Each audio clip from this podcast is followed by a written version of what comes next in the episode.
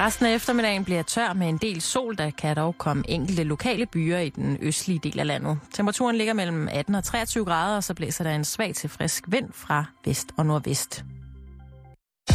Du lytter til Radio 24 /7. Danmarks Nyheds- og Debatradio.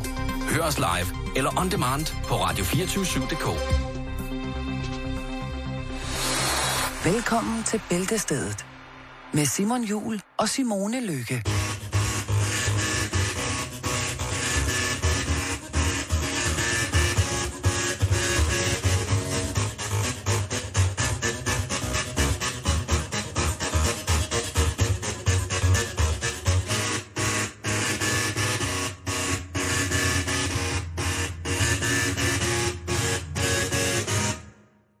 What is Love?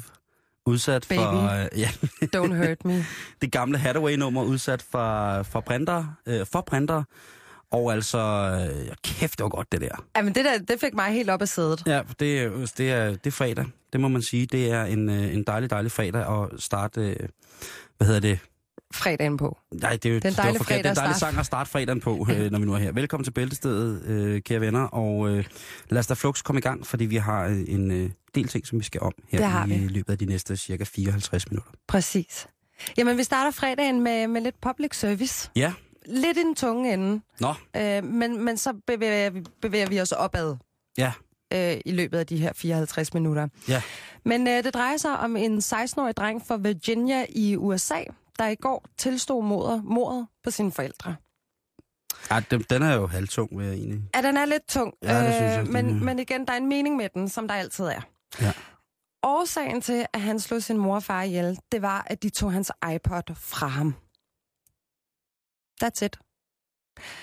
Selve mordet, det skete øh, lidt kort før jul sidste år, øh, og her har han jo så tydeligvis set galore rødt, kunne man jo vælge at sige. Ja. Han, øh, han fik taget sin iPad, som sagt, og så prøvede han diverse taktikker for at få den tilbage. Men da han ligesom forstod, at deres øh, pædagogiske beslutning var ret så urokkelig, så foregik det sådan her. Han angreb sin mor med en peberspray, da hun kom ud fra toilettet. Stak hende i øjet med en kniv og tæskede hende til døde ved at slå hende i hovedet med et baseballbat samt et koben. Det er jo forfærdeligt. Fire forskellige remedier brugte han. Altså, det, det, det var ikke en impuls. Et impulskill. Ej, det er, det er et monster, der går i gang der, ikke? Jo, men altså, så går man jo helt amok. Og han har så stået og ventet ved hoveddøren på, at hans far kom hjem fra arbejde, og så snart han trådte ind, så slog han ham også bare i kobenet og stak ham, eller slog ham med kobenet og stak ham flere gange. Altså, det er, det er hæftige sager, det her. Øh, faren, han, han levede så længe nok til at fortælle politiet, hvad det var, der skete, inden han så døde af skaderne i sit hoved. Det her, det er, jo, det er jo vildt og tungt nok i sig selv. Øhm, og til retten, der har han bare sagt, at han blev pisse sur, og så skete det bare. Øh, ja, fordi sådan noget sker jo bare, når man får taget sin gadget fra sig. Det skal så Og det er nævnes... vist en behandlingsdom, ikke? Næ, ja, nej, Eller hvad? nej, nej, for så Nå. skal du høre. Hvad hedder det? På sin skole er han total mønsterelev og har rent straffetest. Hans bedstefar er i total chok over, ja, altså, han pludselig kunne ty til den slags vold, øh, som er i en ret voldsom kaliber, ikke? Og det er meget, meget overlagt mor, det der. Ja, og han er så også blevet mentalt undersøgt. Og der viser undersøgelsen, at han er fuldstændig rask, og overraskende har en utrolig høj IQ. Der må være noget galt med det system, fordi man er tydeligvis ikke rask, hvis man i så voldsom kaliber, synes jeg. Det er fandme også godt, at jeg ikke sidder i nogen form for retslig instans, men det, det, det synes jeg, at jeg synes, hvis man, Det er et anger management kursus som det hvis mindste. man gentagende gange stikker sit offer, så tror jeg, at det er det, der i under skærpede omstændigheder i det danske retssystem hedder vold af særlig grov karakter med døden til følge. Ja. Og jeg tror ikke, der er noget vanvittigt eller sindssygt i øjeblikket. Den, den får han ikke. Jo, det, det tror jeg godt, han kunne få, men jeg, jeg tror ikke, at det vil være en så formidlende omstændighed, at han vil, øh, vil undse sig en straf. Altså, det, jeg tror, det vil være en, øh, en... Hvis man skal snakke alvorligt, så har vi jo netop haft den, den her forfærdelige sag med den psykisk syge person, der i på et, øh, et opbevaringshjem, havde han sagt, et, øh, et, et, hvad hedder det, en beskyttet bolig, et behandlingshjem hos Sindssyg Hospital, kald det hvad vil, på Sydsjælland, øh, som jo altså dræbte to. Øh, øh, det, det der, det er, der må, der må stikke noget under, og hvis det ikke kræver en yderligere mental undersøgelse, også i kraft af, at gerningsmandens alder jo ikke er særlig fremskreden. Hvor gammel var han? Han var 16, men han vil blive dømt øh, som værende voksen. Ja. Øh, og han risikerer at sidde i fængsel resten af sit liv, hvis han får den hårdeste straf. Ja. Så der er, der er no mercy, og i, i, i grund til, at jeg fortæller den her, det er jo Public Service Dag i dag. Ja, det er det. Det er det i den grad. og det er jo bare at give et fif til alle forældre med teenagebørn, at de skal nok være en lille smule forsigtige, fordi den afhængighed i forhold til gadgets, den er måske vildere, end vi gik hen og troede. Og så gik jeg sådan lidt selv i, i, i, i op i minderne for ligesom at se, hvordan taklede jeg egentlig situationer, hvor jeg synes, mine forældre var sindssygt uretfærdige, da jeg var barn. Ja. Og der er lidt forskel fra, at jeg var barn til, da jeg var teenager. Fordi da jeg var barn, så hvis jeg synes, min mor eller far havde været nogle idioter, så lagde jeg mig til at sove uden min dyne, fordi så kunne jeg få influenza, og så kunne de bare lære det. så det bagspejlet. Ja. Så det, det, det, var, det var starten på mit livs øh, historie. Ja. Straf mor og far med selv at få en omgang Hvad så, du, hvis du var Simone 16 år? Ja, jamen ved du hvad, jeg var faktisk, altså jeg, jeg tror verbalt var jeg ret strid, men, men, øh, men det var i den grad, hvis jeg blev rigtig pist, så kunne jeg godt finde på at kalde min mor og far nogle rigtig grimme mor. Mm. Men jeg viskede det altid, så de ikke rigtig hørte det. Så der er sådan, okay. Åh oh, man, din fucking sol, eller sådan, og så gik jeg sådan ud af døren, hvor sådan, de anede godt, jeg sagde noget, men jeg var alligevel ikke sådan fræk nok til at kalde min, mine forældre og sådan nogle ting. Mm. Så jeg tror sådan, jeg var lidt en smart ass. Hmm. Altså, hvilket jo som overraske mange, at jeg selvfølgelig siger, at jeg var det. Øhm, men det var jeg, men, men jamen, det ved jeg ikke. Jeg tror, tror, sgu, jeg var, har været meget heldig. Jeg er sikker på, at mine forældre de øh, sidder og hører programmet lige nu og tænker, det er rigtigt. Simone, du var et øh, dydsmønster, da du var teenager, og super dejlig. det er så heldigvis mig, der sidder i radioen og kan danne lige præcis det billede, jeg vil af mig selv. Ja. Men jeg tror faktisk, jeg var meget sød. Hvordan taklede du det? Øh, sådan teenageagtigt, Ja. sådan Simon 16 år, Åh oh, ja, det bliver spændende det her. øh, der skred jeg bare. Du gik bare. Ja, jeg gik. Da jeg råbte nogle forfærdelige ting, og smækkede med dørene, og så gik jeg bare. Ja. Tog jeg mine ting, og så tog jeg ind til København, eller ud til en kammerat, eller sådan noget, og var lidt væk fra gymnasiet et par dage, eller sådan noget. Jeg, det, var, det var meget sådan... Øh, Det var også uskyldigt nok. Det var sådan en meget normal måde at reagere på som teenager, når man er ved at finde sig selv, og de voksne forstår ikke en, og alt er bare uretfærdigt og nederen. det er jo ret fedt, når man bliver som teenager bliver sur, og så går ned på sit værelse, hvis man er så heldig at have sådan et, og så låser sig selv inde. Ja. Fordi det, altså... Jamen, så, men det er det, man- jeg har også altid tydet til lidt egentlig at straffe mig selv. Ja, det er, også, det er også ligesom det, som ligesom var sådan, at jeg tænker, du ved, når man har siddet været sur i en time, ikke, og ens far kommer ned og banker på døren og siger, Simon, vi har en nøgle til dit værelse, hvis det er. Ja.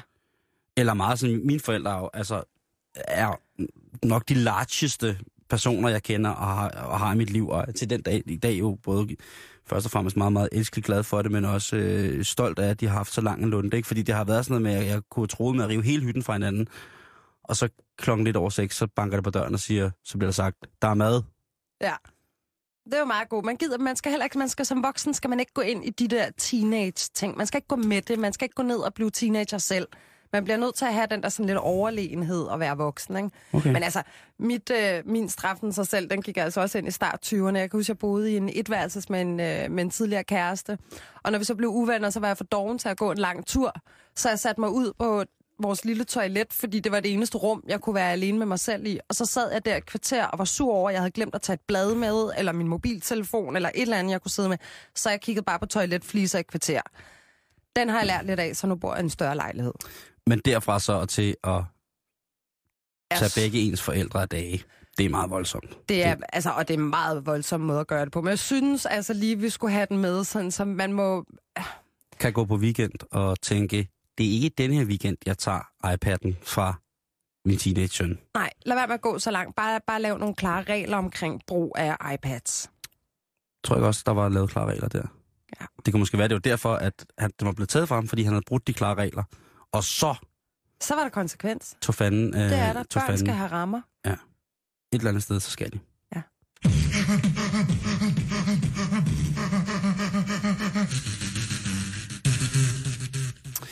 Jeg må sige, at min glæde i dag var stor, da jeg åbnede et øh, russisk tidsskrift for overnaturlige fænomener på nettet, og at russerne nu claimer Yetien, altså den afskyelige snemand, er nu en øh, realitet. At Det har det måske været i lang tid, men for os i den vestlige verden, Nu er det virkeligt. nu er det altså virkelig, for nu er der gået øh, tv-program i den, og vi ved jo alle sammen, at lige så snart, at der bliver lavet tv-program om noget, så er det ægte. Ja.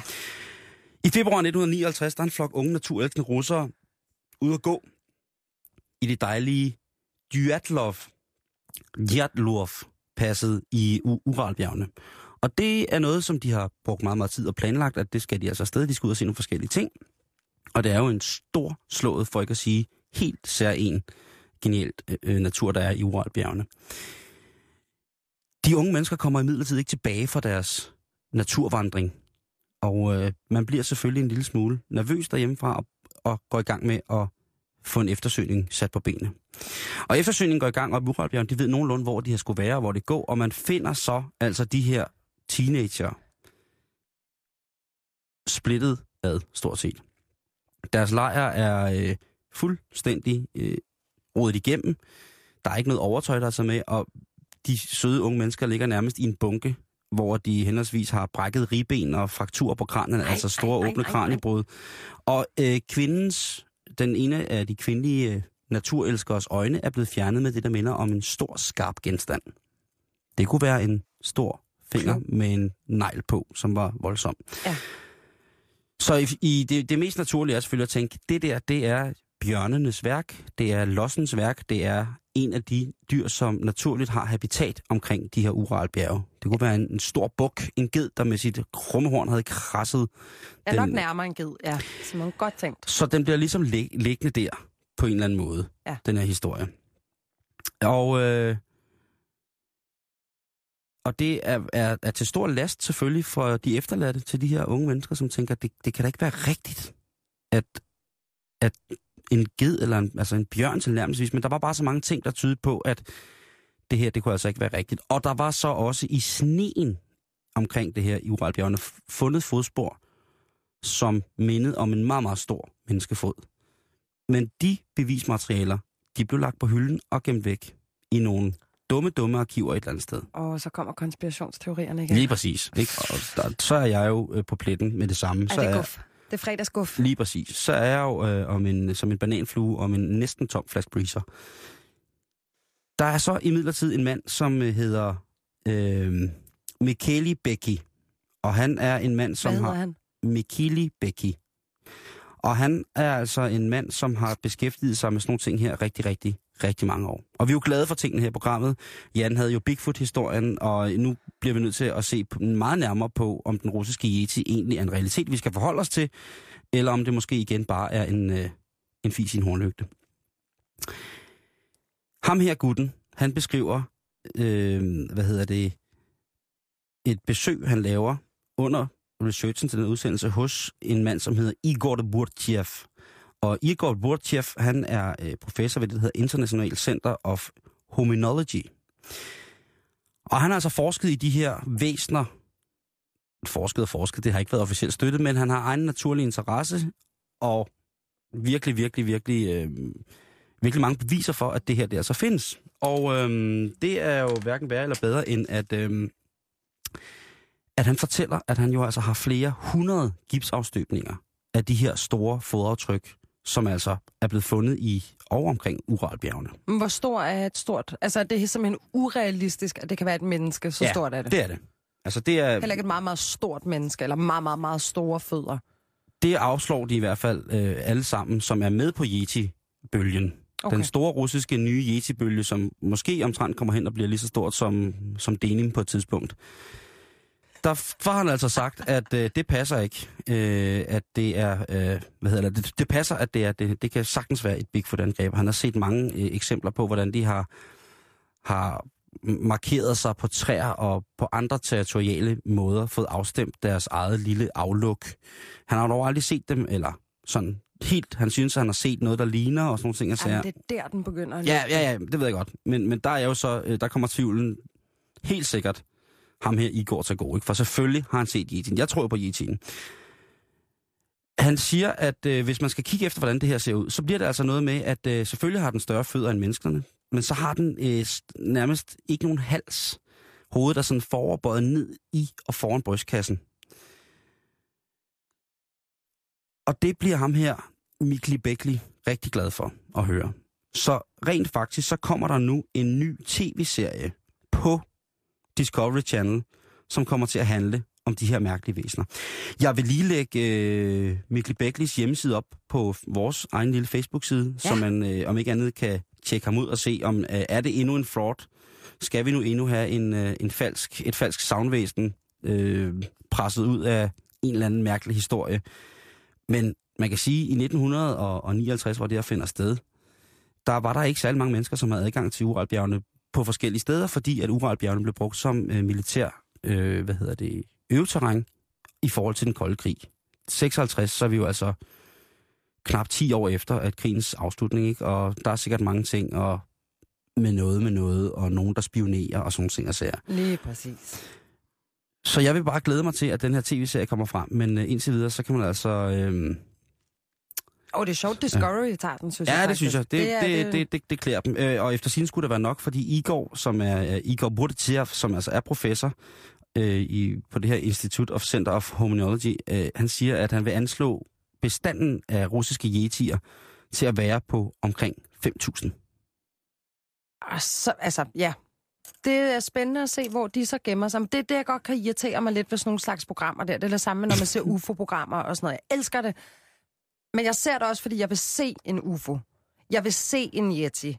Jeg vil se en rummand. Jeg vil se Bigfoot. Ja, Jeg vil se en havfru. Og så videre. ja, ja. Men man ser det aldrig, så det er ligesom altså, at købe katten i sækken. Jeg synes, det er skide irriterende. Men jeg vil højst sandsynligt se det her program også. Det vil jeg i hvert fald også. Vi skal i en helt anden boldgade nu, fordi nu trænger vi altså lige til at få løftet stemningen lidt. Hvad mener du med det? Den er lidt tung. Der er meget død. Der er meget udlykke. Udlykke. Ulykke. Ah, der, Ulykke. øh, der var muligheden for russisk yeti. Hvordan kan det nogensinde overhovedet lægge en dæmper på stemningen? Jamen, jeg tror stadigvæk, jeg hang fast i det der billede af en gruppe unge mennesker, der var flå... Altså, jeg så arme og ben, der lå altså, i en bunke. dem, der startede! Jamen, jeg kan, jeg kan ikke slippe De har det. været bange.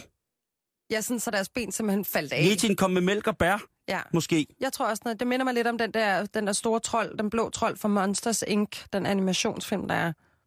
Det er der, den har hentet inspiration fra. Det er sådan en Yeti ser ud. Den er bare ikke blå. Den er da sød. Den er så sød. Det er jo derfor, altså, make love to the Yeti. Mm. Nå, Men vi skal videre. Vi skal, vi skal over en lille test Ja. for dig, Simon. Mm-hmm. Fordi mm. du, du, det er jo sommer og sol, og det er søndag næsten. Det er det da. Øh, og vi skal finde ud af, hvilken øh, flirtetype du er. Uha, det bliver svært, for det er jeg øh, en røv til. Det er jeg meget dårlig til. Du er ikke sådan flirter af natur. Mm, mm, mm, mm. Heller ikke bare sådan i din energi, sådan lidt sådan, altså din maskuline fasong, der sidder der. Altså du har jo, du er en meget, meget klog mand. Også lidt reserveret, og det kan godt virke lidt fløtende. Fordi sådan, uh, du har to get-agtigt. Og det er jeg så ikke.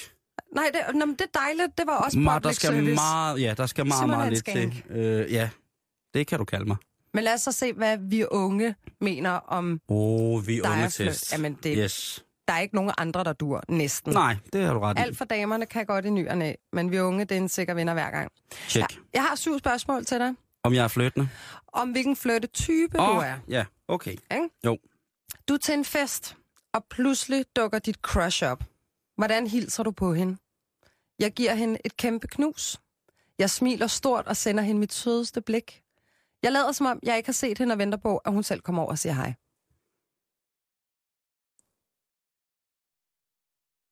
Simon tænker, skal I alle vide nu. Hårdt. Munden er stram. Næseborene er udvidet. Jeg giver hende en kram. Ja. Jeg rejser mig op, og så giver hende en kram. Okay, så kører vi videre her. Og så tager jeg og dufter til hendes hår sådan her.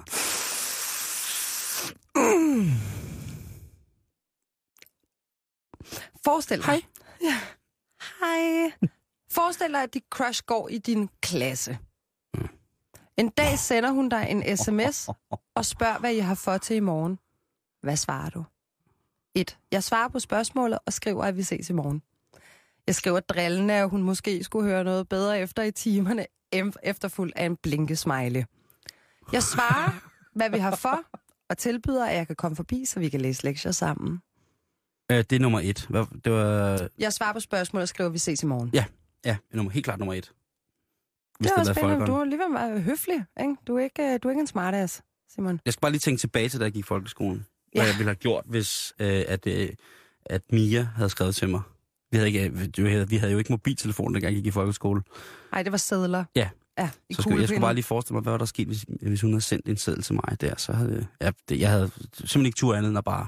Nej, jamen det er det der. Og svaret er, by the way, det der. Du kan bare skrive efter mig. Ses i Agtigt. morgen. Ja, det er fint. Bortset fra, at hun jo så altid ville have vidst, hvad vi havde for. Nå, fordi du falder jo for de kloge, dejlige damer. Det er rigtigt. Det vil jeg gerne skrive under på. Dit crush, Simon, fortæller dig en pinlig og sjov historie om sig selv. Hvordan reagerer du på det? Jeg griner og rører diskret ved hendes arm for at vise hende, at jeg godt kan lide hende. ja, det kunne være lidt sært. Jeg fniser lidt. Jeg gør gengæld ved at fortælle en pinlig historie om mig selv. Mm, vi Træeren, tror jeg. Du fortæller en pinlig, men det er også... Ja, der, fordi jeg vil ikke have, at vedkommende skulle sidde alene med en form for skam over for mig. Nej, og der hvor folk så griner, hvis man har fortalt... Altså, den, den kender jeg i hvert fald godt. Jeg ville have måske have kombineret etteren og, og treeren, ikke? Så ville jeg have grinet sådan lidt. Men, øh, jeg det har minder også engang om- siddet fast i en tørre tumbler. Ja. Sådan noget, ikke? Tak for billedet. Ja. Du er til en stor fest, hvor du spotter en vild cute pige. Hvordan Mm. kommer du i kontakt med hende? Jeg finder på en undskyldning for at gå hen og snakke med hende. Jeg kan for eksempel spørge, hvad klokken er, eller hvad hun synes om musikken. Det kommer an på, hvor meget Men Det er pepino... den ene jo. Nå, okay. Det er den ene. Undskyld. Så det er en helt lang en. Nummer to, det er, jeg gør ikke noget. Hvis hun vil i kontakt med mig, så vil hun nok selv komme over. Og så den sidste. Jeg hiver min veninde med ud på dansegulvet og sørger for, at vi får et sted, hvor hun ikke kan undgå at lægge mærke til mig. Nej, nej, nej. Den Du er har ikke- fuldstændig udelukket. Der er den ikke nogen dirty moves. Den er fuldstændig udelukket, den der. Du er ikke lige til det der, hvad det der booty shake, Twerking? twerking. Jo, jo, det er jeg meget, meget til. Ja. Men nej. Øh, og nummer to, sådan, hvad var det nu? Det Jamen, var, at du ikke vil ja, gøre noget, hvis hun måtte komme til dig, hvis der skulle være noget. Ja, det tror jeg. Men det vil ikke være med den tanke. Det vil være med, hun ser mig aldrig, så nu bliver jeg siddende, indtil at en stor lysende stjerne hænger over mit hoved ved, et tilfæld, ved en tilfældighed og viser hende vejen til evig lykke. Og så bagefter vil jeg tænke, det kommer jo aldrig til at ske. Og sådan endte Simon med katte resten af sine dage. Ja, Hvordan har du det med at flirte? snegle og katte. Nej, ja. Mm. Ja. Hvordan har du det med at flirte? Det er lidt stressende, jeg kan bedre lide at være den, der bliver flirtet med. Det er vildt sjovt. Det er fint nok, men jeg vil hellere sige tingene direkte. Øh, tre. Og der er ikke noget, det er fint nok. Du er sådan en hulemand, det kan jeg godt se for mig. Dig, Ja. mig, sex, nu. Nej, det var øh, ikke, ikke det. Men du vil hellere Jo, sige, jeg synes, godt. du er sød og dejlig. Ja. Mm. Jeg er meget dir- direkte, hvad det angår. Mhm. Vi tager det næste sidste spørgsmål. Ja. Hvad er dit bedste scoretip? Nu skal du tænke dig godt om. 1. Smil, kast med håret og rør let ved hendes arm. Ja. Jeg spiller ja. kostbart, det virker hver gang. Jeg elsker at drille hende lidt på en venskabelig måde. Jeg har aldrig prøvet nogen af dem. Så svarer jeg på din vegne. Jeg spiller lidt kostbart, det virker hver gang. Om det gør jeg jo aldrig. Nej, men du gør det ikke med vilje, tror jeg. Nej, nej, jeg, jeg, jeg, nej, det gør jeg ikke, det er rigtigt. Altså, jeg er meget utrolig i, i singleperioder, hvor jeg har klaget min nød til veninder over, at øh, fiseskalaen har været helt i bund. Ja. Der har, jeg, så har de sagt, så tager vi øh, med dig i byen, og så skal du bare... Øh, fordi Simon, der er masser af, af kvinder, som sikkert vil synes, du er all right. Og det har jeg tænkt, nej, det er der ikke nu. Så en tur på dammeren. et eller andet, ikke? Øh, han- han har taget på øh, et sted hen, og der har jeg altså nogle gange øh, tit øh, simpelthen i frustration set mine veninder drikke sig i hegnet over, at jeg er simpelthen så blind, og egentlig bare gerne vil snakke med folk. Ja. Og så er det så, hvis man så får en lille shus eller et eller andet, og får drukket sig mod til, så kan man jo godt indlede en snak. Sagtens. Men det går meget hurtigt for mig, hvis det er, at jeg endelig drikker et, øh, et stykke med dejlig juice. Fordi så et eller andet sted, så, bliver jeg, så slår, går fanden i mig, og så bliver det netop det der med... Og det, det er pinligt for mig at sige, det ved jeg godt, og det er måske også derfor, jeg ikke øh, drikker alkohol så meget, når jeg er i byen. Det, er, altså, det har meget nemt til at blive det der med, øh, skal vi ikke skride herfra? Og du bliver småsur. Nej, men, men sådan lidt, øh, så bliver jeg liderlig. Ah. Og så bliver det, skal vi ikke bare skride herfra? Øh, jeg har en busk herover fyldt med tomme flasker. Hvor tit virker den? Det er en gentlemans privilegie at holde på sådanne informationer. Nå, det var synd for alle de herrer derude, der øh, måske tænker, at de trænger til nogle nye tricks. Mm. Ja. Men en, øh, en, en busk med tomme flasker er aldrig at fragte. Det er et meget godt og vigtigt råd at give videre, Simon. Vi tager det sidste spørgsmål, Ja, ja, ja, mens ja. vi alle sammen fantaserer om Simons busk med tomme flasker. Dit crush. Spørg, om du har lyst til at hænge ud. Hvad foreslår du, at I laver? Jeg foreslår, at vi tager i biografen, så kan vi sidde og holde i hånd under filmen. Jeg foreslår, at vi stopper rulleskøjter eller spiller basket. Det er en sjov og uhøjtidlig date, hvor vi kan grine af og med hinanden. Jeg lader hende bestemme, hvad vi skal. Det synes jeg altså er pigens opgave. Dig på rulleskøjter. Det er ikke pænt. Um, jeg synes i hvert fald ikke, at det er pigens opgave, hvis det er, at det er mig, der har inviteret på date og finder ud af noget. Altså, det, Ej, det vil være lidt med. Vil det, du er en af, det, det er en af de der ting, som sætter en stopklods i for mig selv. Ja. For at tænke, så er man, så er man simpelthen også for tavlig. Men så kan man sige, så er noget med biffen, eller noget aktivt, hvor I skriger og grin. Jeg har jo altså, altså, det vil jeg synes. Nu har jeg været på meget, meget, meget, meget få dates. Men det har tit ofte været sådan noget med, øh, hvor jeg havde noget, noget netdating kørende, hvor jeg så mødte, øh, havde to fantastiske dates. Det blev ikke til noget, men det var to fantastiske dates med nogle piger, som ligesom havde det som jeg. Ja. Lad os nu spørge ind til hinanden på en ordentlig måde. Og, Og få det noget er svært at gøre i biffen. Og det, det er svært at gøre i biffen, øh, og det var specielt ikke øh, basketball. Ellers så har jeg haft stor succes med lærdueskydning. Så synes jeg altså, at vi tager basketballen, Ja, fordi det ja, er ja. aktivt. Fordi Det, det er tæt på. Jeg har heller ikke gjort mig meget i dating, øh, altså være på dates, selvom det lyder mega sjovt, men jeg vil synes, det var så akavet at tage biografen og sidde ved siden af en, man ikke kender, og man ikke kan sidde og tale sammen. Ja, det vil være meget mærkeligt. Øh, Jeg er ikke til det i hvert fald. Der er svar. Jeg, jeg er meget sådan, nå, Simon, der er svar på testen. hvad er jeg for en flytter? Du er den legesyge flirte-type. Du elsker at flirte, og du er måske også typen, der flirter meget til hverdag. Du synes, det er vildt sjovt at drille dit crush lidt kærligt. Du er rigtig god til at fange damernes opmærksomhed med dit legesyge smil, flirtende blikke og kærlige kropssprog. Ja, jamen altså, øhm, vi skulle jo igennem den. Jeg kan, altså, nu så skal du sige, fordi jeg kan altså overhovedet ikke se mig selv som det der flirtemaskineri. Du har jo lige beskrevet altså en form for blanding mellem Brad Pitt, prins Valiant, og så en ung, flot øh, Henri de Montpassat. Altså, nej, jo, nej. Jo, jo, Altså, altså, vi- og det er positivt, fordi det der, for mig, det lyder som, som altså, Don Juan. ja, Jo, men Simon, milestal, Fise Brenzo. inden vi tog testen, så konkluderede jeg i hvert fald på dine vegne, at du er øh, en- den, hvad man kalder den smarrogante flyttetype. Ja. Altså, som er den, der er lidt hard to get, uden at du vil være. Det er ligesom, at generede mennesker bliver ofte misforstået til at være dybt arrogante. Jeg er ikke generet, jeg er åbenbart bare hard to get. Ja, men du er nemlig hard to get, og så sidder du ligesom og styrer det selv, du ved, ikke? Altså, the big boss, der ligesom sidder, jamen, så er der lige et blik der, om, mm, okay, jamen, så føler man sig særlig, når man har fået Simons blik, fordi bare det, han kigger på en, det er sådan noget mega særligt, og helst skilløjet, ikke? Ja. Fordi så er der flere piger, der bliver forvirret. Var det mig, eller var det de andre? Eller, uh, Det, prøv, at- prøv at, og uden pis, Simone. Mm. Det vil jeg aldrig opdage selv, det der. Nej, Og det har jeg veninder, som vil kunne skrive under på, at der er så folk, der er mennesker af det modsatte køn, tro det eller ej, kære lytter, som har approachet mig på en særdeles øh, lejende, indbydende og ikke svær at tolke måde i henhold til, hvad formålet med approachen var. Ja. Hvor jeg altså nærmest selv bare, har, har, når de har presset sig helt op af mig, og siddet på en barstol, simpelthen har sagt, der er nok ikke meget plads, var. nej, øh, det, det har været, det må du undskylde, har jeg taget din stol, og så har jeg hoppet ned, og så har jeg sagt, vil du have min, min, min, min barstol? Jeg sidder alligevel bare og fylder i barn. Ej, hvor er du sød. Prøv at høre, det er en reel situation. Altså, det er sket flere gange, sådan noget med folk, der kommer ind og sætter sig helt op af mig, og hvor jeg så har sagt, prøv vil, vil du have min plads? Er du øh, dårlig gående? Er der... Og jeg, jeg er, og det er, øh, ved jeg 100% det kan min øh, psykolog også skrive under på, det er det der nørdegen med, at man at jeg først blev seksuelt aktiv, da jeg var forholdsvis gammel. Ja. Ej, men du er, du er, du er en flirtetype ifølge vi unge, og så er det skrevet sten, Simon. Ja, okay. Færdig bum. Og dit kærlige kropssprog. Den europæiske multikontinentale association EMCA er ved at overtage det meste af Europas erhvervsliv. Det er det, der hedder harmonisering. Men med udgangspunkt i, at jeg så er øh, den flirtende type i forhold til vi unge, så er det altså også nu, at, hvad kan man sige, hormonerne begynder at stige folk til hovedet. Ja, det siger man jo. Det siger man. Og det er et spørgsmål, som er blevet stillet på, øh, på Samvirke, som jo er et magisk, magisk, magisk blad på mange måder. Også virkelig sjovt nogle gange, måske uden de selv ved det, men jeg kan godt lide at læse i det. Jeg får meget ud af det hele. Ja.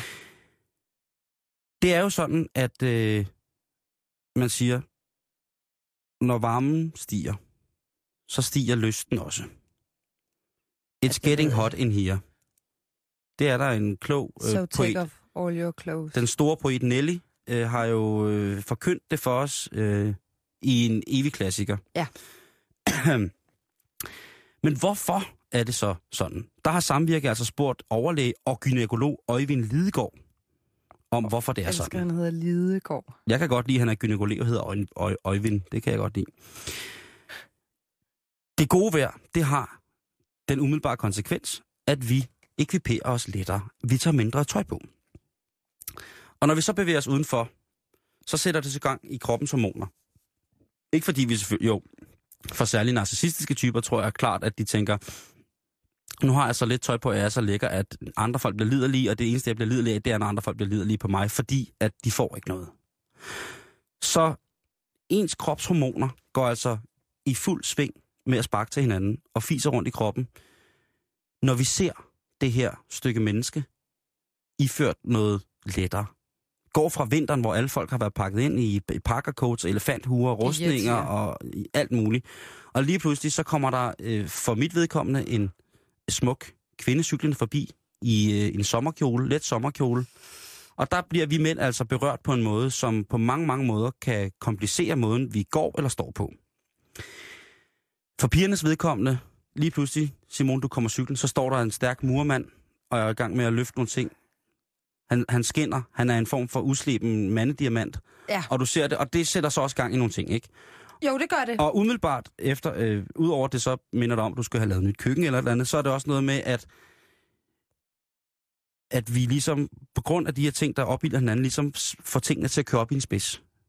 Mændene bliver glade for kvinderne, og kvinder bliver glade for mændene, og heldigvis er der nogle mænd, der bliver glade for mænd, og nogle kvinder, der bliver glade for kvinder, og sådan nogle ting og sager. Og det hele gør bare, at jamen, det blotte syn af, at vi tager mindre tøj på, er lidt hud, det gør simpelthen, at øh, vores hormoner kan komme i gang. Altså vores helt primale forplantningsinstinkt begynder at arbejde i os. Og det er svært at holde styr på. Men det bliver så også varmere, så det er også sådan et... Altså, man skal jo ikke, man skal jo ikke kæmpe sig af, at øh, elskov er jo meget god motion. Jo, jo, jo, jo. Altså, og når det så er hedebølge udenfor, og man så også skal motionere. Ja, men Det det, jo det, kommer vi lige, det kommer vi lige til sidst øh, i, i, i, det, i lige præcis det her punkt.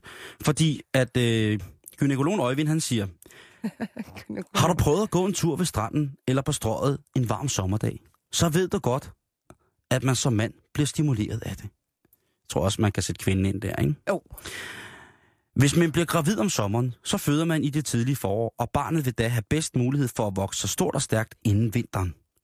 Så altså lige pludselig, så er der noget helt naturligt, almindeligt i, at jamen, vi skal gøre det om sommeren, så vi, fordi at vi ved, at forplejnings, den maksimale forplejningssæson, den starter først i foråret. Hvis man fik et barn, som blev født måske om vinteren, jamen så var der måske ikke så meget at tage af. Der var måske ikke så meget ny vitamin, der var måske ikke så meget i foråret. Det er måske øh, lidt at blive... Jeg kender mange børn, som, som man godt kan se, at de er, de, er, de er vokset op med hengemt mad. Det er, øh, det er utroligt blege mennesker. Øh, Deres hjerte og hjerne fejler ingenting. Det er absolut nogle af de smukkeste mennesker, jeg kender. Men man kan godt, jeg kan godt følge ham her, gynækologen, i det. At sige, jamen altså... Vi var til dejlig sommerfest, hvor der blev spillet karibisk musik. Og lige pludselig så lå vi der ude i hækken med de tomme flasker, og så får vi et dejligt vinterbarn, ikke? Jo. Ikke en, Jamen, det lyder jo ikke- ikke en Tove Ditlevsens øh, roman, men bare en, øh, eller nej, det er Tria Mørk, tror jeg det er, der har lavet vinterbørn. men i hvert fald, det er sådan, sådan er det. Sex, sexlysten, den afhænger af, hvor attraktiv man opfatter sig selv, siger Øjvind jeg tror, du sagde incestlysten. Jeg skulle sådan, nu, nu tager det en drejning. Nej, det er Sexlysten. sexlysten, siger jeg. Godt, godt. Når vi får mere luft, sollys og farve i huden, så bliver vi samtidig mere attraktive for vores egne øjne. Og derfor vokser vores sex- sexlyst, vores udstråling, vores selvtillid stiger. derfor så er det, vi snakker om, at den her hormonelle ting, den går op i en spids, hvor at vi alle sammen næsten ikke kalder hinanden værre. Den kan jeg godt ikke genkende til. Mm. Jeg synes også selv, jeg er pænere, når jeg er brun. Mm.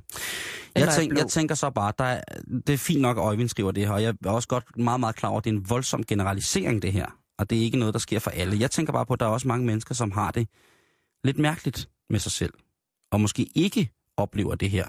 Og jeg vil bare sige til jer, der har den opfattelse af sig selv, øh, man kan sagtens jo have det et fint liv, men så måske have en, en mærkelig selvopfattelse, eller Gå op i de forkerte ting. Ja, lige præcis. Jeg ved om nogen, hvad det betyder, og ikke være særlig glad for, hvordan man øh, ser ud om sommeren, når alle andre smider trøjen. Ja. Og jeg vil bare sige, det er helt okay. Det er helt okay at have det sådan. Man er slet ikke normal, hvis man ikke føler en, en brusende elv af øh, lyst og lyse sommernetter strømme ind over sig selv, som man i en eller anden grad har virkelig lyst til at, at give sine gener videre. Det vil bare sige, hvis man ikke føler den ting om sommeren, men hvis man føler den om vinteren, når, man, når dagene er korte, kulden kommer, fugten driver ned ad væggene, ravnene skriger fortvivlet rundt ude i sneen, trollene vandrer, og pisken fra, øh, fra de hedgangne jætter driver over den tordensorte himmel. Hvis man har det bedst der, så vil jeg bare sige velkommen i klubben. Jeg synes, jamen altså, det er da dejligst, hvis man er lidelig året rundt. Jo, jo, men prøv at høre. Du sagde det selv ved det der med varmen, ikke? Det er få mennesker i ens liv, man har virkelig holdt af og elsket med i en pøl af sved. Ja. For mit vedkommende i hvert fald. For mit ved- vedkommende er det meget få mennesker, hvor jeg tænker, at det bliver lækre af, at øh, vi sveder så meget, at vi ligger i det og ikke holder fast i hinanden. Ja, lige præcis. Jeg synes, man bliver lidt smådoven, når det er sommer, men jeg kan godt se det der sådan... Ja, altså det er sommer, og solen skinner, og man går i en lille smule tøj, men jeg tror, jeg ligger altså begge steder. Jeg kan godt se det, jeg synes også, at, at, at, at altså, ja. Ja, øh, hvad hedder det? Men jeg kan også godt have den der lidt selvværdsting, det der med halvnøgne damer. Det var en snak, vi havde forleden, og det er noget, man simpelthen bare skal slippe. Mm, mm, ja, Altså, du er all right. dunk er, er sommerens nye hit. det er fashion, baby, det er fashion. Jeg læste et eller andet om, at øh, i, i et kvindeblad, at det, det sidste kvinder ville se, det var dunk og sokker i sandalerne. Jeg har ikke noget mod dunk. Men sokker i sandalerne, det skal stoppe, eller hvad? Mm-hmm. Mm. Ja, dunk skal en rigtig mand have. Det var meget, meget sødt sagt. Det mener jeg. Og fra dunk Ja, til, ja. Jeg har fundet en, øh, en øh, lidt øh, funky historie, og jeg ved ikke helt, hvad jeg synes om den, fordi der, er- der er flere ting, vi skal diskutere i den. Men det er simpelthen, at øh, fremtiden bringer langsigtet, men at man skal kunne flyve flyvemaskiner med tankens kraft. Øh, og det er ikke science fiction. Forskere arbejder nemlig lige nu øh, på, at... Øh, øh, nej, ja, forskere arbejder på, at fremtidens piloter skal kunne styre fly med, med simpelthen tanker, tankerne. Ja. Øh, og de har vist, at det faktisk kan lade sig gøre. Og det har de gjort i, en specielt designet flysimulator på The Institute for Flight System Dynam- Dynamics, Dynamics of the Technische Universität München. klar, selvfølgelig Tyskland. Ja, øh, projektet er EU-støttet Ja. og kaldes for Brain Flight. Så Uh. det er ikke science fiction, selvom det kunne lyde sådan. Nej. Piloterne er altså iført sådan noget, der kunne minde lidt om en hvid badehætte, Mm-hmm. mm. hvor der så er kabler... Dioder I, direkte ind på... ja, på kraniet? Ja, altså så du kan måle hjernebølger og så Ja. videre. Og så er det udelukkende på den måde, at man så flyver. Øh, og ideen er, at det skal være mere tilgængeligt at flyve i fremtiden, øh, og at piloterne vil have større fysisk frihed til at lave andre ting i cockpittet, end at sidde og styre. Ikke? Ja. Der var syv forskellige personer, der var med i den her test, og en af dem havde aldrig været i cockpit før. Øh, og de alle sammen klarede det med bravur. Altså det her system havde så stor nøjagtighed, at folk flippede fuldstændig over det. Øh, og selv når de skulle lande med utrolig dårlig sigtbarhed, så kørte det også som smurt. Det er så, hvad det er. Og det er jo selvfølgelig et stykke ude i fremtiden. Der er to ting i det, som jeg gerne vil snakke om. Mm-hmm. Øh, jeg har jo set ret så mange science fiction film, og jeg elsker alt det der med, åh, og hvordan bliver det hele, og aliens og Mars, og så kører vi derud af. Øh, og jeg tænker også, ud fra de film, jeg har set, at øh, jamen, altså, flyvende biler, det skal jo nok være noget, vi kommer til at se til i fremtiden. Eller flyvende UFO'er, eller flyvende tæpper, eller whatever. Et Ja. eller andet, der gør, at bilerne ligesom løfter sig, og trafikken vil se anderledes ud. Ja. Jamen det, det er jeg ret sikker på kommer til at være inden for en nogenlunde overskuelig fremtid. Tror du, det bliver i vores levetid? Ja, men man kan sige, at den, øh, den, det, som hedder the private aviation, eller den, den private luftfart, folk, der øh, altså erhverver sig flycertifikat til enten helikopter eller flyver, der, der, der er flere og flere, der gør det. Det bliver mere og mere overskueligt, det bliver og så fremdeles også mere og mere billigt.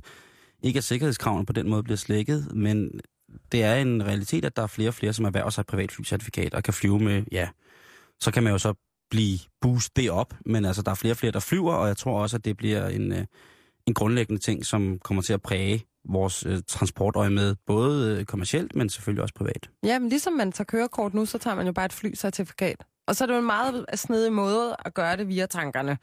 Det, er helt, det lyder helt vildt. Altså for mig, der er det, ky, der er det kygeliky, der er det kyllebok der er det gagalakos. Jeg bliver lidt bange, Hvorfor? fordi at øh, hvis, jeg, hvis jeg lever til den tid, og jeg skulle ud og flyve et fly via mine tanker, nu er der ikke andre end mig, der har været inde i mit hoved.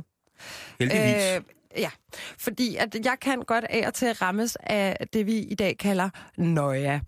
Øh, især når jeg flyver. Så Ja. hvad så, hvis jeg får tanken, fuck, vi styrter ned. Tænk, hvis jeg ikke kan finde ud af det her. Styrter vi så ned? Det ved jeg ikke. Altså, jeg vil gå ud fra, at der er en form for, for dæmning, eller katalysator, eller kompressor, eller et eller andet, der gør, at din tankevirksomhed kommer igennem et system, der gør, at hvis du får øh, anormale tanker i henhold til opgaven som værende pilot på flyet, så vil maskineriet tage over den teknologiske, de teknologiske landevindinger f- vil gøre, at flyet stabiliserer sig selv på en eller anden måde, eller der bliver da afgivet en, en kommando til eventuelt anden pilot, som så vil kunne overtage og øh, styre indtil, at du er tilbage igen ved din fulde fem og tænker, selvfølgelig skal vi til Hawaii, jeg klarer det her til UG Kryds og Slangen. Fordi Men- det vil være mærkeligt, hvis man lige pludselig... Altså, det, de må også have testet det. De må have testet... Jamen, selvfølgelig har de det. Selvfølgelig har de testet det i hoved og røv. Men alligevel tænker jeg, hvad hvis man har en dårlig dag? Hvad hvis man er forelsket? Hvordan er det lige, man sorterer i, at man ligesom med sin hjernebølger øh, siger, jeg vil gerne til højre i næste sving? Til Ja. at man siger, øh, fuck alle, der... Øh, eller hæb på alle Facebook-gruppe, hvis man går bag med sin lille tog, for den er alligevel overflødig, og den gror vi ud af om nogle år. Et eller andet den dur. Ikke? Hvad hvis den tanke kommer ind, i stedet for, at man skulle til højre? Se, du er allerede forvirret nu. Og Ja. hvor vil vi så have været endt henne? Det Men det, er tror jeg slet ikke, du skal være så bekymring for. Altså med den ringe indsigt, jeg har i, i, hvad hedder det, i luftfart, så vil jeg vide, at der allerede i dag er så mange foranstaltninger i flyveren, der vil kunne hjælpe og dirigere, guide, tilnærmelsesvis lande det fly, du sidder i, hvis det er, der opstår en fysisk komplikation hos piloten. Det kunne være et hjerteanfald, det kunne være alle mulige mærkelige ting. Vi er også ude sådan noget, ja. Ja. lige præcis. Og der er der altså foranstaltninger. For det første i anden piloten, i større flyver, er der en navigatør. Der er et, et kommunikationssystem, som nærmest er fuldstændig ubristeligt, udover man så selvfølgelig ikke kan finde MH370. Men hvorom alting er, så er der i, i langt, eller i alle de største typer af fly, som man kalder det, til kommersiel flyvning, selvfølgelig øh, en masse ting, som, øh, som kan, kan støtte og hjælpe i forhold til, hvis der sker noget med, med føreren, med piloten. Ikke? Jo, men det er der, hvor jeg har altid tænkt, man skulle lave biler og fly og så videre, til at det simpelthen bare, at man taster adressen ind, og så kører den selv. Mm. Ligesom i science fiction filmene. Ja, Og det er jo ikke meget galt. Der kommer også selvparkerende biler, og man tester jo også hele tiden de her selvkørende biler.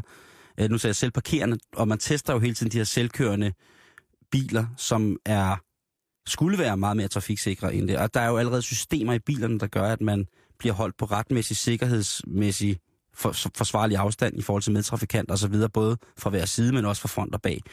Tag de her systemer, og så gang dem med en 13-14 millioner, så har du altså nogle af de sikkerhedsforanstaltninger, som piloter i dag i kommersielt øh, øje med arbejder med. Der er, piloten er strengt nødvendig, 100%, men det er jo netop i forhold til ja, vi må ikke sætte vores lid til kun computer. Nej, nej, det tror jeg da ikke. Men, men når, når du flyver til, til USA på et eller andet tidspunkt, ikke? eller når du flyver et eller andet sted, så er der fra piloternes side jo øh, rigtig, rigtig mange hjælpemidler, der gør deres flyvetur bedre. De skal være på toppen af det hele. Det er klart som, som den menneskelige faktor i cockpittet. Det bliver det nødt til at være. Og de skal selvfølgelig holde styr på, øh, at man flyver den rigtige vej. Og det, det, som de egentlig gør meget, det er at holde styr på, at computerne gør det rigtige. Ja. Øhm, og de lander, Det og synes jeg er letter me- selvfølgelig flyene. Det er Øh, jeg mere tryg ved, ja. ja. faktisk, på den men det vil måde. jo også være vildt at sidde som pilot og få at vide, at øh, fra, fra, fra, fra lufttårnet, hvis man er- laver hjerneflyvning, ikke? Jo. at man så får sådan en, ja, Flight 370, de har nu fløjet i hjerteformet formation på deres holding over Kastrup Lufthavn i cirka 45 minutter. Kunne det tænkes, at de kunne tænke jer at komme ned til, til bane 17? Det er lige Et- det, der er min pointe. Det er Ja. lige det, der er min pointe. Og også kan det påvirkes endnu vildere, hvis det så er en... Øh, en altså, nu tænker jeg også i, i, i terrorøje med, ikke? Vil man som pilot så kunne... Eller vil man kunne bryde ind i det her system med en egen hjerne, og så ved hjælp af ingenting, bare ved sine blotte tanker, kunne styre flyet hen til et eller andet? Ja, altså vi kunne have en helt anden snak, hvis jeg var ekspert i hjernebølger. Mm. Men det er jeg ikke. Men, men jeg tænker, det er impulser fra hjernen. Og det, altså, det kan jo så godt være, at enhver tanke, enhver følelse har sin helt egen, det må den jo have, unikke impuls. Ja. Sådan, så det er simpelthen, men så skal man jo kende Så alle lidt eller fingeraftryks... Ja, Okay. ja, lige Ja. præcis. Øhm, så der, der er nok styr på det, og jeg synes også, det er fantastisk. Men jeg synes også, det er en lille smule nøjeren. Tror bare, What's gonna happen in the future? ja, det kan man sige. Ej, jeg bliver sådan en sindssyg gammel dame. Altså, du bliver i hvert fald sindssyg. Jeg bliver ikke gammel, hvad tak for den. Det er jeg ikke sikker på. Selvfølgelig gør du det. And when here with the mind, body, them a so. Now DJ drop the record, let the bad boy flow. Weekenden nærmer sig, og det kan jo for nogen betyde, eller weekenden nærmer sig for nogen, og for dem, der er så heldige at kunne kalde det weekend, jamen så kan det godt være, at du skal øh, ligge og slappe lidt af. Jeg har fundet en liste over ting, som, øh, som hvis man kan ikke genkende til de her ting, så betyder det altså, at man har et rigtig, rigtig go- godt forhold til det med ikke at lave noget. Med andre ord, så er man en doven type. Oh, nej. Så Simone, du gav mig en test om, hvordan jeg flirter. Nu skal vi se, om du kan ikke genkende til nogle af de her ting. Jeg skal nok være ærlig. Hvor akavet det er at aflyse alle dine planer, du har lavet eller er blevet tvangsindlagt til. Det er en kunst i sig selv at kunne komme på så mange undskyldninger som overhovedet muligt. Øh, nej, altså, altså hvis jeg har en aften, hvor at jeg, jeg ikke føler, at jeg er i energi til at skulle det, jeg har sagt, så aflyser jeg siger, at jeg simpelthen ikke har overskuddet. Okay. Det Jeg er meget ærlig. Jeg hader simpelthen de der platte undskyldninger. De er lige til at, at læse, Ja, når man får okay. okay. sådan en skød sms. Du er hverken A eller usocial. Du er bare selektiv social. Du spiller ikke tiden med folk, der ikke betyder noget for dig, og du bevarer ikke falske venskaber. Er du sådan en? Det er meget korrekt. Det vil jeg godt skrive under på. Altså, det jeg det har, faktisk. jeg har to Mm. meget tætte venner. Så har jeg nogle gode bekendte, og så har jeg nogle perifære bekendte. Ja, ja. Øh, det kan, jeg, jeg gider ikke... Øh, øh, ah, what's up? Jeg gider det ikke. Det, det er jeg blevet for gammel til, selvom jeg kun er 27. Fredag eftermiddag på kontoret, hvor alle bliver udfrittet for deres planer om drinks, brunch og shopping, aftaler og rejser hen over weekenden. Og du sidder bare ovenud lykkelig over, at du kan tage hjem, lægge dig i din seng og vide, at du ikke behøver at lave andet de næste to dage. Det er korrekt. Det kan du godt lide, ikke også? Det kan jeg godt lide. Det Præcis. Elsker jeg. Yes. Det er min weekend, den her weekend faktisk. Du er en heldig kvinde. Ja. At dit mest seriøse forhold er til din Netflix-konto. Ej, det passer Nej, det passer, det ved jeg også godt. At dit nærmeste seriøse forhold er med din kat, som heller aldrig forlader huset. Nej. Nej. Det er mit hamster. Øh. Jeg har et dværghamster.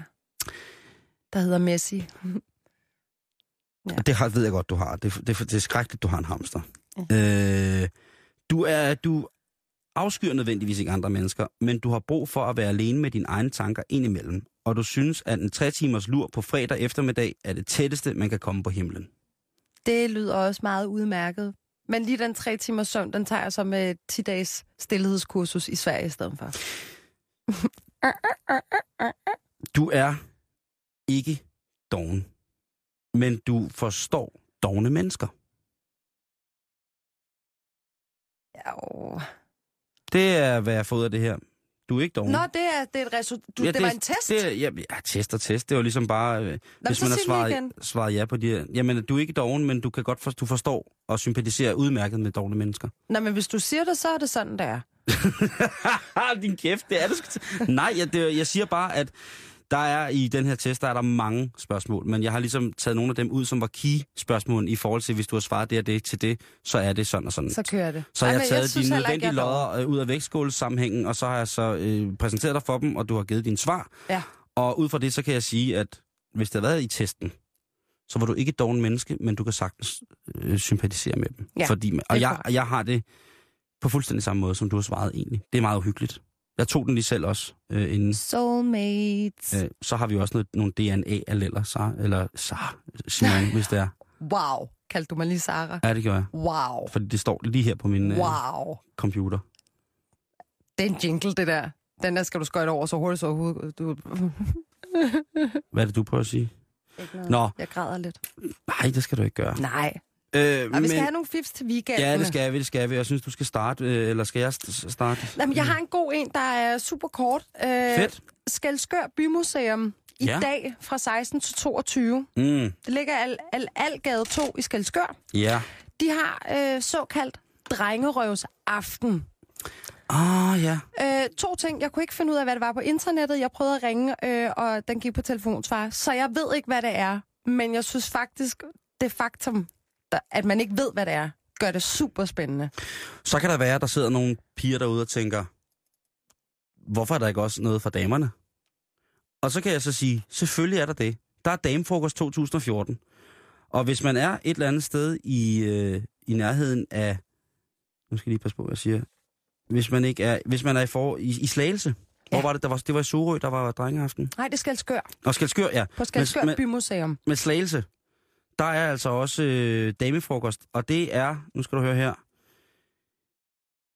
det er på Sørby og øh, der er lækker menu, fri bar, øl, vin og vand, mandestrip, dansemusik, velkomstdrink, præmier, tjenere, husk hatten, den flotte, flotteste og festlige kors. Aldersgrænsen, den er, man skal være fra 18 op efter, og øh, der er 5 kroner i billetgebyr per billet. Priserne er som følger, og det er lørdag den 31. maj, det vil så altså i morgen fra kl. 13. Damefrokost, et bord til to, 325. Damefrokost, bord 1 ved scenen, det er jo så der, der er mandestrip, 325. Damefrokost, bord til tre personer, bord 3, 325 kroner i det hele taget. Man skal bare være vaks ved Det er havelånen. billigt. Ja, det er det. Hvor var det henne? Jamen, det er øh, Gregers Magle her, Sørby Parkvej 25 i Sørby Magle ved Slagelse. Og Slagelses postnummer, det er, så vidt jeg husker, 4200. Øhm, det er altså damefrokost i morgen. Jamen, det lyder da fantastisk. Mhm. Mm-hmm. Så øh, inden man tager til damefrokost i morgen, så kan man jo lige tage et, øh, et smut forbi, forbi Østjylland, nemlig til Malling. Det kreative mm. værksted i Malling, som er en voksenskole for udviklingshemmede, holder åben hus i morgen fra 10 til 15. Og øh, der sælge, sælges, nu citerer unikke viskestykker, syltetøj med og uden sukker, fuglehuse, foderbrædder, ølkasser, lysestager og meget mere, som beboerne selv har lavet. Hold da kæft. Der er kaffe, te, saft og kage i caféen, og i haven er der plantesal og fremvisning af Fantasihaven, hvor man også kan se udstillingen af elevernes personlige kassehuse. Det ligger tværgade 18 i Malling, og det er i morgen fra 10 til 15. God fornøjelse. Til det så kan jeg lægge, at der i øh, Odense selvfølgelig er Odense Havne- og Kulturfestival, og det er altså et, undskyld mig udtrykket, et, øh, et ramachan af vilde tilbud. En af tilbudene, jeg faldt over, som selvfølgelig skal ligge på Odense Havne Kulturfestival, det er selvfølgelig DJ-workshop. Prøv kræfter med dit DJ-talent og blive undervist af nogle af landets bedste DJ's. Og så står der ABBA og Dex. De er DJ og Producer Academy Danmark. Det øh, koster ikke noget. Det er på søndag mellem 11 og 14. Havnepladsen, Londongade Odense C. Hvis du vil være DJ, så er det simpelthen der, det sker. Det lyder da fantastisk. Det er da en kanon weekend. Det bliver helt fantastisk. Og det bliver også herfra en fantastisk weekend til jer, kære lytter, for os, fordi ja. Ja. vi er øh, færdige for den her uge. Vi er tilbage igen på mandag. Vi er selvfølgelig at fange på facebook.com-bæltestedet, hvis der er noget. Altid velkomne. Og øh, så ellers god weekend. Og, Og inden god da, weekend til dig, Simon. ja, god weekend til dig, Simone. Og øh, hej til Gertrud Højlund, Hej med jer. som bestyrer uenigheden umiddelbart efter nyhederne her Det gør 15. jeg, ja. Det føles som en fridag, men det er en arbejdsdag. Ja, altså Sådan er det, ikke? Kristi Himmelfolkstaten ja, snakkede vi om i går. Vi kan ikke Der bruge er det ikke nogen via... undskyldning for i dag. Nej, det er, Det der, er der nemlig nemlig ikke. ikke. Det er ikke en heldig dag. Mm, mm, Sæt mm, mm, i mm, gang. Så øh, vi klør på, også i uenigheden. Og øh, altså i tirsdags, der, der, der havde vi en øh, rigtig god samtale, synes jeg, om, hvad den ideelle politiker er for Ja. ja. en størrelse og en type. Drømmepolitikeren. Ja, og, øh, og det synes jeg var, øh, var, var dejligt, fordi at det sådan øh, lidt pegede fremad og øh, talte om noget positivt i hele det her politiske øh, miskmask, som vi ellers vader lidt rundt i for tiden. Jo, bevares. I dag, der vender vi blikket mod os selv. Uff. Fordi Det skal man også gøre nogle gange. Det er sandheden, det er sandheden. Og Hvor smerteligt den måtte være. ja, og der er spørgsmålet, altså det er jo fint nok, at vi prøver at stille nogle krav til politikere, men hvilke krav skal vi stille til os selv som vælgere? Hvornår er man en god vælger? når man Altså, stemmer. Ja, men det er der Først og nogen, der siger, men, og det er et rigtig godt skridt på vejen, kan man sige, fordi ellers er man ligesom slet ikke med i kategorien. Men skal man, hvor meget skal man vide om ting? Ja, jeg synes det samme som hende den anden. Ja. Nå, men sådan, det var ja. Ja. sådan, jeg valgte, hvad jeg skulle stemme på til den der patentdomstol. Du banker lige på, tør, på forklædet. ja, Hallo? hvad stemmer du? Ja. ja. det var noget af den stil, ikke? Det er bliver godt spændende. nok? Det bliver spændende. Mm. Det er uenigheden efter nyhederne. Nyhederne kommer her.